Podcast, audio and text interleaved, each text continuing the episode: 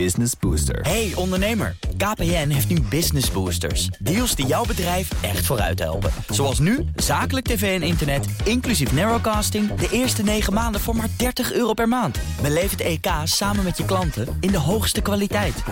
Kijk op kpn.com slash businessbooster. Business Booster. We beginnen bij de situatie in Israël en de Gazastrook. De Israëlische eh, strijdkrachten melden dat er zo'n 1500 lichamen van Hamas-strijders zijn gevonden in Israël sinds dit weekend. Afgelopen zaterdag begon de militante Palestijnse beweging een eh, groot offensief. En veel Hamas-strijders trokken toen de grens over om in Israël te vechten.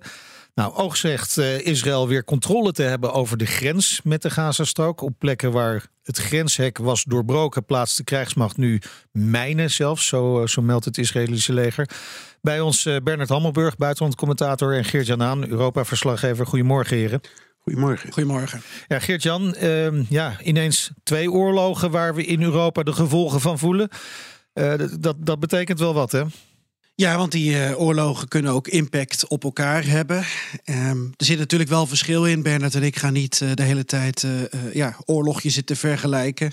de oorlog tussen Israël en Hamas is nu de vierde dag ingegaan. Een heleboel dingen weten we nog niet. Gaat Israël nog wel of niet de Gazastrook intrekken... en gaan andere actoren zich met deze oorlog bemoeien? Maar vanuit Europa wordt heel veel meegeleefd. Meindert is er veel morele steun. Mm -hmm. um, iedereen kent wel iemand in Israël of um, heeft familie daar...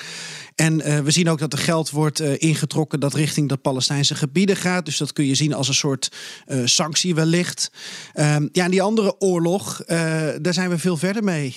de Russische oorlog in de Oekraïne, die is op ons ja. continent. Daar zitten we met heel veel wapens, heel veel geld in. Het is onze oorlog, zegt premier Rutte. En die oorlog die wordt gevoerd tegen een duidelijke agressor, tegen kernmacht Rusland.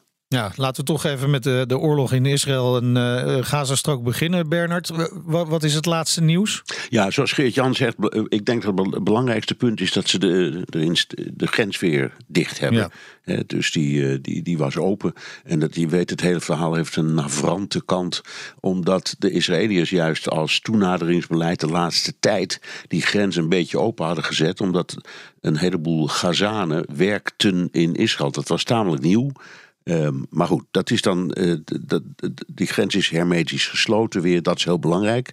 Um, de, de indruk is dat er niet of nauwelijks nog uh, Gazanen in Israël zijn. Dus dat ze ze of uh, hebben gedood of uh, um, nou ja, hebben gevonden, zou ik maar zeggen. Ja. Um, en ja, je ziet een, een, een, paar dingen die op je afkomen ik denk dat de allergrootste complicatie nu al is en zeker wordt die 150 gijzelaars die ja. uh, de Gazanen hebben meegenomen. Op praktische redenen, uh, want die worden verspreid over die hele, dat hele Gaza-gebied. Um, en om emotionele en morele redenen, wat dat praktische of strategische uh, ervan betreft, als je ze verdeelt over dat hele gebied, dan wordt het uh, heel erg moeilijk om represailles uit te voeren. Hè, wat de Israëli's doen en proberen. Dus die willen uit de lucht uh, proberen de, de plekken te bereiken van, waar bijvoorbeeld, van waaruit bijvoorbeeld die raketten worden of zijn afgeschoten. Maar dat staat altijd in woonwijken. En um, de, de, er zijn ongetwijfeld nu ook overal gijzelaars die daar ja. zijn verspreid. En de, de, de hebben al, al gezegd: elke aanval die jullie op ons doen, daarbij doden we een van die. Uh, uh, gijzelaars. Dus dat is denk ik het, uh, het, het grootste probleem aan het worden. Ja, ook die kwestie van die gijzelaars. Het wijst allemaal op een uh, zorgvuldig voorbereide actie. Hè? er wordt al sinds het begin van die actie ook gewezen naar Iran als ja, hulpgever daarbij, bij die voorbereiding onder andere.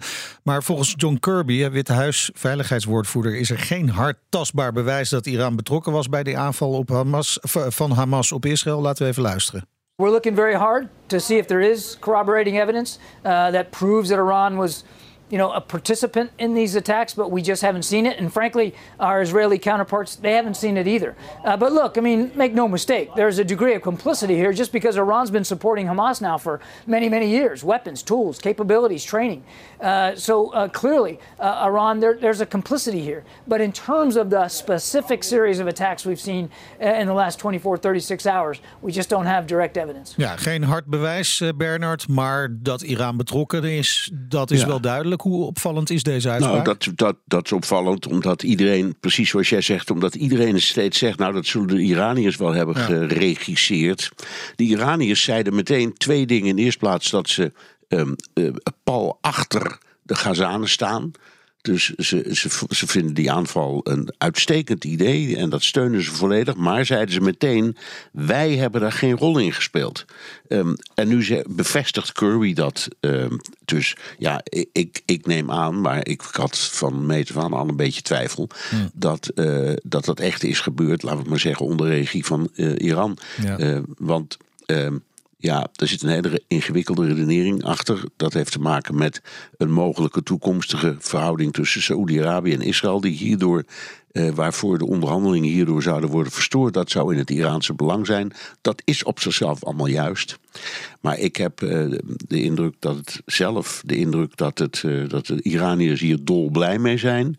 Maar het niet op hebben, niet, niet, niet, geen rol hebben gespeeld in de organisatie. Dit heeft trouwens maanden geduurd ja. om voor te bereiden. Hè? Denk er wel dat op. kan niet anders. Ja. Ja, uh, een opvallende uitspraak dus hè, van John Kirby van het Witte Huis. Maar ja. je las ook een opmerkelijk statement van de Europese Unie. Ja, dat was wel iets het raarste. Er was een bericht ja. dat alle uh, steun aan uh, de Palestijnen zou worden ingetrokken. Voorlopig hè, door de Europese Unie. En dat kwam van Oliver Varhely. Dat is een Hongaarse eurocommissaris. En die is teruggefloten. Dus er kwam onmiddellijk een verklaring overheen. Daar is geen sprake van. Er is ook nog niet over beslist. En dat kan ook wel kloppen, want dat zijn beslissingen die de uh, ministers van Buitenlandse Zaken bijvoorbeeld bij elkaar samen moeten nemen. Er komt nog een zitting. En uh, uh, deze meneer Verhey liep daar waarschijnlijk op uit. en het gebeurt niet elke dag hoor, dat een eurocommissaris een verklaring aflegt en dan op het matje wordt geroepen. Maar dat is wel gebeurd. het is ook niet logisch dat de, de, de EU alle hulp aan de Palestijnen zou afsnijden. Want dat betreft een heleboel. Uh, het is heel omstreden hoor, die hulp. Ja. Omdat die vaak in de verkeerde zakken terechtkomt. En er is dat hele verhaal dat uh, mensen die in Israëlische gevangenschap zitten. dat de families daarvan worden onderhouden met Europese hulp. Allemaal heel omstreden. Maar het principe van hulp aan de uh, Palestijnen is niet zo omstreden. Dus ik denk dat de EU, net als de VN, daar op de een of andere manier gewoon door, mee doorgaan. Ja. Geert-Jan, uh, geopolitiek lijkt alles verbonden met elkaar. Hè? dus dit heeft ook gevolgen. Die oorlog in Israël en Gaza heeft ook gevolgen voor Oekraïne. Want ik kan me voorstellen dat ze daar denken van ja, dit betekent wel een beetje dat de aandacht voor de oorlog in Oekraïne een beetje verslapt. Ja, dat wordt gedacht. Tegelijkertijd doen ze daar zelf ook aan mee. Want er is geen Oekraïns medium, geen website, geen krant die niet opent met uh, de beelden of de verhalen mm -hmm. vanuit Israël ontwikkelingen worden daar op de voet uh, gevolgd. En als ik nu uh, websites open, dan is een uitspraak van Netanyahu groter nieuws dan dat Oekraïne zegt dat ze weer uh, voortgang hebben geboekt bij Bakhmut of in het zuiden van het land. Of dat ze vannacht weer drone-aanvallen vanuit Rusland hebben gehad. er wordt enorm meegeleefd. Ehm, maar de berichten in Oekraïne die verschillen natuurlijk wel. Dus ja, Oekraïne dat onder gezag van Kiev staat, daar zie je dus um, dit verhaal dat, dat, dat wij ook vertellen. Maar als je dan kijkt naar de bezette gebieden in Oekraïne die die onder uh, uh, ja, Russisch illegaal beheer momenteel staan. Daar Mhm. krijgen ze uh, Russische staatstv te zien. En dan krijg je af en toe de meest vreemde um, narratieven voor je kiezen. Dan horen ze dat Oekraïne wapens heeft geleverd aan Hamas.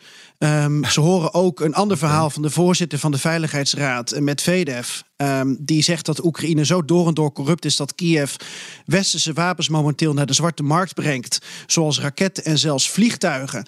En dat Israël die dan gaat opkopen. Um, kortom, deze verhalen hoor je nu op de Russische staatstv. Uh, dus de, de oorlog in het Midden-Oosten um, is ook, uh, zo uh, hoor je dan in Rusland, hè, ik maak een sprongje dus van, ja. van de Oekraïne naar Rusland, de schuld van Amerika, maar zeker ook volgens Russische staatsmedia en ook de leiders in het Kremlin, um, ja, van, de, van de Amerikanen. Ja, ja bijzondere uh, draai van de, van de feiten. nou, even terug naar Oekraïne, want Zelensky sprak direct na de aanval steun uit aan Israël. Maar dat is andersom niet echt het geval, hè? Nee, tot vorige maand was er overleg tussen uh, ja, Zelensky en Netanyahu over hoe ze elkaar konden helpen. Maar dat was een soort rituele dans. Uh, er is wel iets van hulp van Israël en de Oekraïne om zichzelf te verdedigen. En er is toen de oorlog uh, in Oekraïne uitbrak, in ieder geval op 24 februari 2022, is er een veroordeling geweest van de Russische agressie. -hmm. Maar die steun was niet onvoorwaardelijk. En dat doet Zelensky nu wel. Dat doet de Oekraïnse bevolking nu ook. In Kiev heel veel Israëlische vlaggen. Het idee hierachter is dat um, volgens Zelensky is dat beide landen nu slachtoffer zijn van terreur. Zelensky wil niet alleen dat de aandacht die nu naar Israël um, gaat, uh, ja, dat, dat, dat, dat die dan weg bij Oekraïne, ja. dat die voor Oekraïne behouden blijft. Maar misschien wil hij ook wel meeliften hè, op dat slachtofferschap om wapens te blijven krijgen, om draagvlak te behouden.